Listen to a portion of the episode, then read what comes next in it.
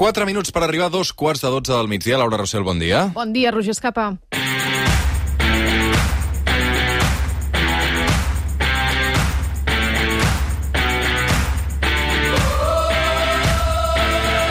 Curiós perquè eh, ara m'hi fixo, crec que és el segon cap de setmana que comencem la secció i treus el cronòmetre.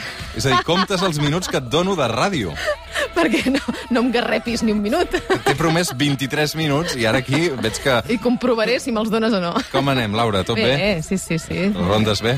Bé.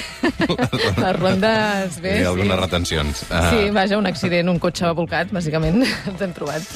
Tot bé? A veure, a Abecedari Lila arribem a la lletra R, no? Sí, la lletra R hi ha algunes que estan eh, que són molt lleugeres, diguéssim, pel que fa a conceptes, i, i d'altres que estan ben carregades, com la R, perquè hi ha un nom que considero que és imprescindible en el món de, del, del feminisme, per dir-ho d'alguna manera, per resumir-ho fàcil. Eh, català, una dona que va crear escola, que malauradament continua sense tenir el reconeixement que mereix, que és la Montserrat Roig. R de roig. La R de Roig. Um, mira, la Neus Bonet, que la tenim per aquí, va escriure fa un temps un article al diari de Tarragona que definia la, la Montserrat Roig com una pionera, com una precursora en la manera de, de pensar i d'escriure per als periodistes i els intel·lectuals d'esquerres que, que, que tenen avui. Um, Montserrat Roig va fer una tasca imprescindible de recuperació de la memòria dels catalans i de les catalanes que van sobreviure al nazisme amb aquella gran obra Els catalans als camps nazis. També va fer una gran lluita per la igualtat entre homes i dones i va deixar sobretot, doncs, com deia la Neus Bonet, aquest mestratge en l'exercici del, del rigor periodístic. Jo crec que l'empremta, el llegat i l'obra de la Roig són tan grans grans que mereixen 23 minuts sencers. Li farem un capítol sencer un dia a la Montserrat? Roig, sens dubte, Sí. perquè avui tenim una convidada que de seguida presentarem que també tenim moltes ganes d'escoltar. Uh, quan ho podríem fer, això, Laura? Mira, uh, repassant una mica la seva biografia, he trobat que va morir el 10 de novembre del 91, per tant farà 28 anys que va morir aquest 10 de novembre. Eleccions espanyoles. Doncs uh, què millor que dedicar-li aquell dia, encara que siguin les eleccions. Farem un pic d'audiència aquella hora que veuràs, perquè la gent està tan farta d'això de les eleccions que, escolta'm, 10 de novembre, especial Montserrat Roig al suplement amb la Laura Rossell, coincidint amb l'aniversari també de, de la seva mort. Avui, però, que, amb què ens centrem? Doncs mira, a la lletra R hi ha una altra entrada. Cordeu-vos els cinturons perquè arriba la revolució sexual de la Liona.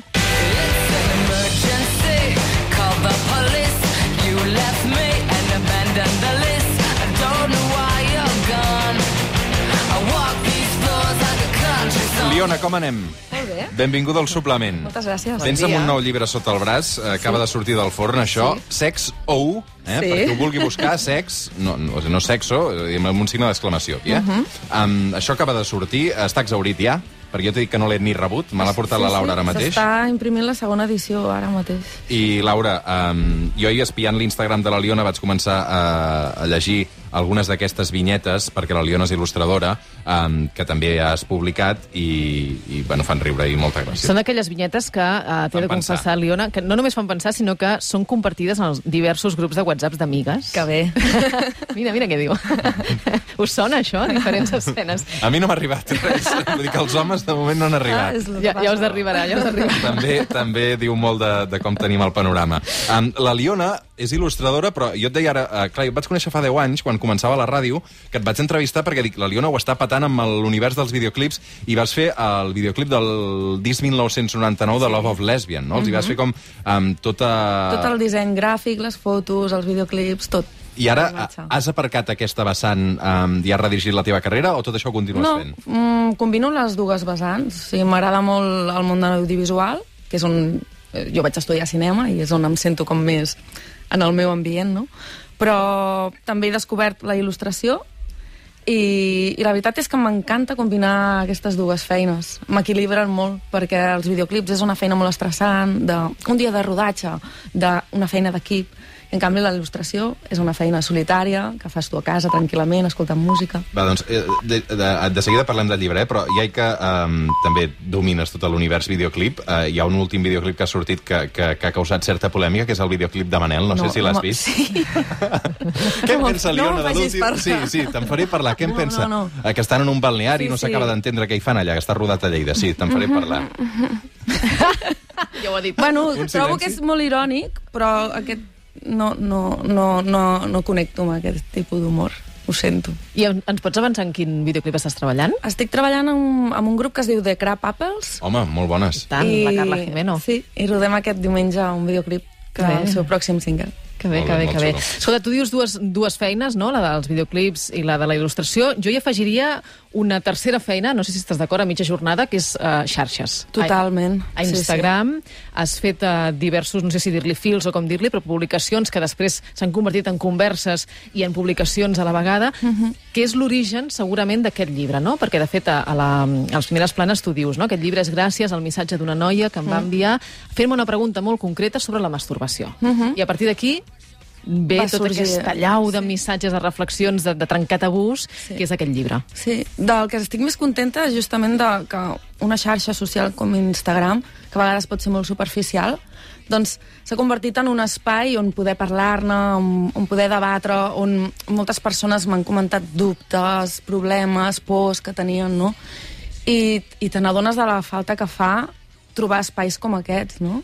I que és, és molt fort que ho acabis trobant en un Instagram, mm. que no, no ho puguis trobar a la vida real, no? De, que no hi hagi educació sexual a les escoles, que no puguis parlar-ne amb la família, no? Doncs una mica d'això va sorgir a la necessitat de fer aquest llibre.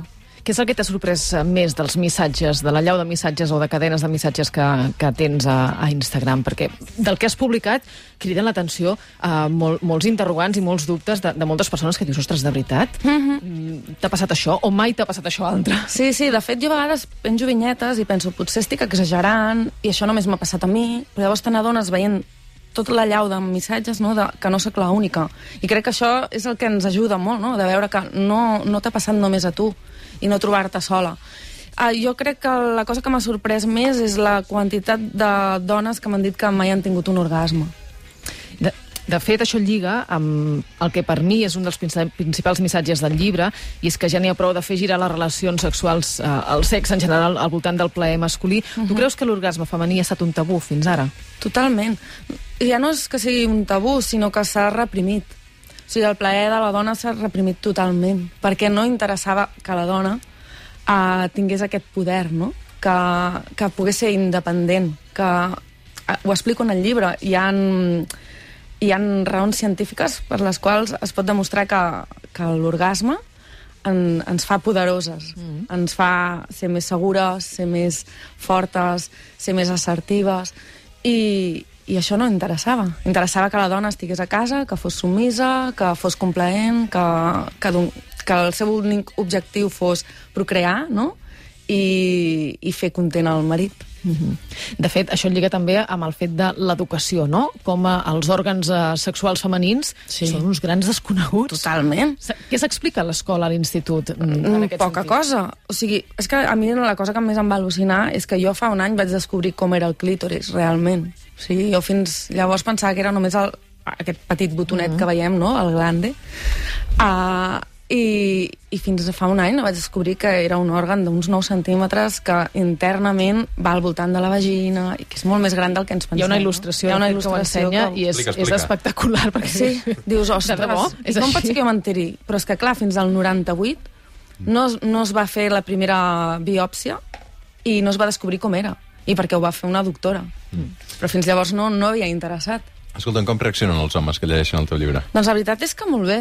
Sigui, han vingut uns quants homes a les presentacions i, i estic molt sorpresa. O sigui, estic molt, molt contenta. Hi ha paritat a les teves presentacions? No, no, hi ha molt, molt pocs homes, però els que venen, o sigui, m'agrada molt el que em comenten, em diuen, ostres, mm, m'ha ajudat molt a que la relació amb la meva parella sigui millor, me n'he donat de, de com no, no he estat al 100% per, per la meva parella, no, de no adonar-me'n del que no li estava donant. Mm. I, I crec que això és superpositiu. Mm. També hi deu haver cert desconcert, no?, entre els homes, eh, perquè ens, és això, ens posem davant d'un mirall i ens adonem de, de, de coses que, que retrates tu aquí i dius, ostres, doncs eh, aquest puc ser jo, perfectament, no? Bueno, també hi ha, hi ha un tema molt important en el llibre, que és la comunicació, que penso que és molt important, i no és només que, que els homes no, no ho sàpiguen o no s'hagin informat, és que a nosaltres també ens han ensenyat a no queixar-nos, a no dir res, a, a ser bones nenes, no? I, I crec que això és el que ha de començar a canviar, i, i, i penso que està canviant, eh? Hi ha, evidentment, les relacions ara se'n parlen bastant més del sexe que abans, però crec que és, és molt important. Parlant d'això de l'educació sexual, eh, jo l'única lliçó que recordo a classe mm -hmm. de primària, o deu ser, suposo que això ja deu ser a l'ESO, no recordo exactament quan, és el moment en què et venen a ensenyar com es posa un preservatiu Sí. amb tots aquells penis de diferents Sí. formes eh, i és aquell moment que causa certa vergonya dins de la classe dels nois i noies que estan previs a la pubertat, segurament, no? que t'ho deuen fer amb 12 anys, i crec que aquesta és l'única vegada Sí. que s'ha parlat de sexe en la meva educació en una escola pública. Sí, a mi igual. A mi em van venir una hora amb els gegants adormits, que li deien. Els gegants adormits? Gegants adormits, perquè que estaven adormits i tenien el seu membre erecte. I tu els havies de posar el, el preservatiu, no? O sigui, no, no, no es deia ni la paràbola penis, no, per exemple. no. Clar, però a part és tot al voltant de, del, Del- penis i de, i de col·locar un preservatiu. I, I el tam- sexe no és això. Exacte, i a sort. més que, que l'únic que t'estan comunicant és que, un, pots, uh, pots uh, prendre mm, enfermetats de transmissió sexual o quedar-te embarassada. I no t'estan parlant del plaer, En de que, moment, jolín, que el sexe és amor, que són carícies, que és afecte, saps? Tot això I ningú que, te'n I parla. que no depèn de, només d'aquest òrgan, Clar. sinó d'un altre, D'un d'una altre, altra part, i de moltes altres parts del cos. I no? tant. És el que tu sí, expliques sí, també. que no, no, no hem d'estar centrats amb el, mm. amb el membre masculí. I, I la relació pares i fills i educació sexual? Perquè no tot és feina de l'escola. Exacte. També, bueno, això... Penso que encara ara hi ha molts, de, molts tabús. Costa molt parlar-ne a casa. Hi ha moltes noies que m'escriuen de ostres, crec que, que he agafat alguna infecció de transmissió, de transmissió sexual, però no m'atreveixo de dir-li a la meva mare. I jo, en sèrio? O sigui, no pot ser. No pot ser que estiguem així. Parles en primera persona a llibres, no sé Mm. si són coses que t'han passat a tu, si el que expliques aquí és la teva revolució sexual. Bastant, sí, és bastant, és bastant real el que hi ha. També és que a mi em costa molt parlar sense ser honesta. O sigui, m'agrada parlar des de, des de la meva veritat. I, I sí, la majoria de coses m'han passat a mi. També el fet de que la gent em preguntés tantes coses em va fer uh, prendre... Bueno, analitzar-me a mi mateixa, mm. analitzar la meva sexualitat i em vaig adonar que jo també havia reprimit el meu plaer, no? que sempre havia deixat en segon pla el, el meu plaer a, a favor del plaer de l'altre, no? Ja fos en una relació de parella, on jo pensava, ostres, és que l'estimo i vull que sigui feliç, vull fer-lo feliç, com en relacions més esporàdiques, on jo m'adonava que, que l'altre anava a lo seu i que tu estaves allà i, i vinga. Clar. Estrella de mar. Ah, exacte. Ahir mateix, més enllà de, del que és el, el sexe, ahir mateix, uh, di... si ahir era divendres? Ahir era dissabte. Dissabte, doncs, Laura. uh, estic fatal. Ahir tenies festa. Uh, un dia que vaig fer festa. Divendres, no, posem-nos seriosos, es va fer la primera emergència feminista a l'estat espanyol, una onada de protestes a més de 200 ciutats per demanar que s'aturin, que es posi fre d'una vegada a les agressions sexuals i també al- als assassinats després d'una setmana en què hi ha Sí. hagut dos crims espantosos. La reivindicació, per sort, comença a anar més enllà del 8M. Uh -huh. Però n'hi ha prou amb aquestes dues, tres dates marcades al calendari? No, jo penso i crec mm, mm, que l'educació sexual és supernecessària a les escoles, sobretot per evitar aquestes coses, no? Per ensenyar a nens i nenes que, que són iguals, que hi ha d'haver afecte, que hi ha d'haver respecte, no? Jo crec que si des de petits ensenyem educació sexual, molts d'aquests problemes no, no existirien. I, I em sembla molt trist que he parlat amb, amb professors, amb alumnes, i a vegades el problema és que els propis pares no volen que, que aquesta assignatura es doni a les escoles. I dius, i què prefereixes? Que el que aprenguin ho aprenguin en el porno? Que és una font on el, el porno mainstream mm. on dona una, una visió del sexe molt agressiva, molt violenta, on la dona és un objecte, no és un subjecte, no? La cosificació de la dona. Totalment. Doncs què prefereixes, això? Jo penso que és molt necessari que, que els nens i nenes tinguin aquesta informació més sana, no? Una educació és evident, però després també la responsabilitat dels partits polítics, no? dels Sí. líders polítics, i això inclou a tots, des dels d'un extrem fins a l'altre. Aquesta mateixa setmana vam assistir a aquell Sí. espectacle lamentable, Lamentable. de Vox a l'Ajuntament de Madrid. Uh, clar, això com, com es combat, no? Quan, quan aquests partits, aquests discursos han arribat ja a les institucions, han arribat al poder i sobretot tenen repercussió mediàtica, perquè clar, és el que busquen. La veritat és que no ho sé. Ojalà tingués la resposta, eh? Mm, crec que nosaltres ja fem molt manifestant-nos, però potser ha de ser en- encara més, més sovint, no? Aquestes manifestacions i accions, no ho sé, és molt complicat, ho veig molt complicat. Sec- I, fa, I fa por, eh? Cap on anem? Fa por, fa Mira, molta fa por perquè avui les enquestes diuen que Vox, eh, allò que hi havia gent que, que pronosticava que si hi havia repetició electoral hi hauria una debacle, doncs aguanten... Va cap a un- aguanten, eh? No, No amunt. baixa una mica, però Bueno. crec que en tenen 24, eh, 18-19, diu el País o la Vanguardia, vull Vale. dir que no és un fenomen passatger d'una contesa electoral, vull dir que hi seran. Um, sex O, amb aquest uh, O amb exclamació, Mi revolució sexual, és aquest uh, llibre de la Liona que recomanem moltíssim també el suplement, que avui ens ha vingut a, a presentar. Um, moltes gràcies i, i endavant amb tots aquests projectes que, que tens a la música uh, i també um, doncs, dibuixant i il·lustrant totes aquestes històries que, que vas fent. Moltes Ah, gràcies. et seguim a Instagram, no?, també? Sí. Dir, totes aquestes plataformes Clar. també serveixen també per... Sí. per- I els grups de WhatsApp, també. per- També. grups de- Jo, mira, el dia que en rebi un també serà una revolució sexual dels homes. Oh, seria molt bonic. Ara faré una captura de pantalla de, del, del teu Instagram i ho enviaré al meu grup. Um, gràcies, Leona, molta sort. A vosaltres. You terrify me, cause you're a man, you're not a boy, you got some power. And I can't treat you like a toy, you're the road less. Traveled by a little girl, you disregard the mess, while I try to control the world. Canvi de registre, Laura. Sí, canvi de registre perquè necessitem un canvi de to, canviar de perspectiva per parlar-vos de la recomanació, una altra recomanació, a més a més, del llibre de la, de la Liona que us porto avui. És la Roxane Gay. És una escriptora nord-americana, una de les veus eh, més trencadores, podríem dir, de més èxit en la, en la cultura nord-americana ara mateix. Està publicant articles al New York Times i al The Guardian, per tant, això ja és segell de qualitat, d'una garantia, i té dos llibres que són imprescindibles. Un d'ells és uh, No és para tanto i un altre Mala feminista.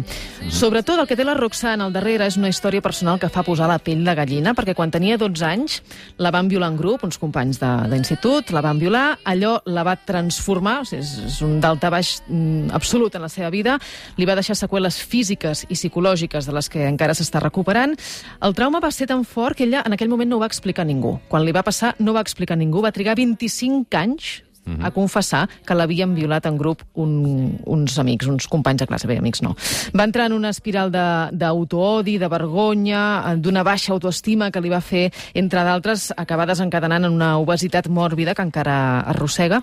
Al cap dels anys, eh, el, el més positiu de tot plegat és que ell ha aconseguit transformar tot aquell trauma i aquell dolor en talent. I ara es dedica doncs, això, a escriure, a fer conferències, a donar classes, sempre al voltant de la violència sexual, de qüestions de gènere, d'identitat i de raça. El llibre no és per a tant, neix precisament de la superació d'aquella violació, és ella mateixa la que repetia eh, quan estava tocant fons de no n'hi ha per tant, no?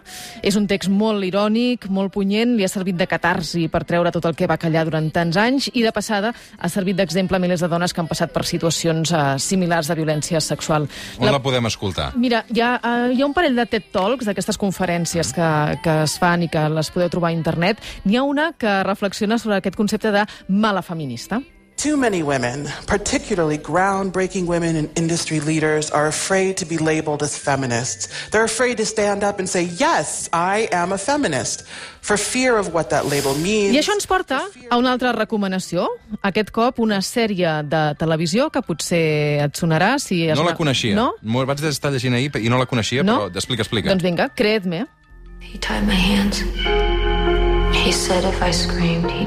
És una minissèrie que s'acaba d'estrenar a Netflix, està tenint molt bona crítica, explica una història real, la violació brutal d'una noia l'any 2008, va passar de debò, quan ella ho denuncia, la policia dedica més esforços a trobar incongruències en la seva explicació, no? en el seu relat, que no trobar el violador la, la forcen tant, la pressionen tant, que finalment ella acaba dient ei, escolteu, que no, que m'ho he inventat, que, que, que, que no, que, que m'ho he inventat.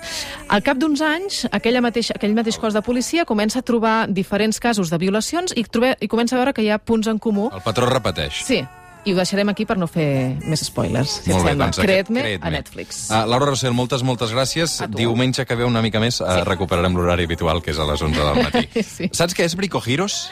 Brico Giros. Ho hauria de saber? És una estrena del Jair Domínguez i Home. el Peyu. Uh, tu com vas de bricolatge?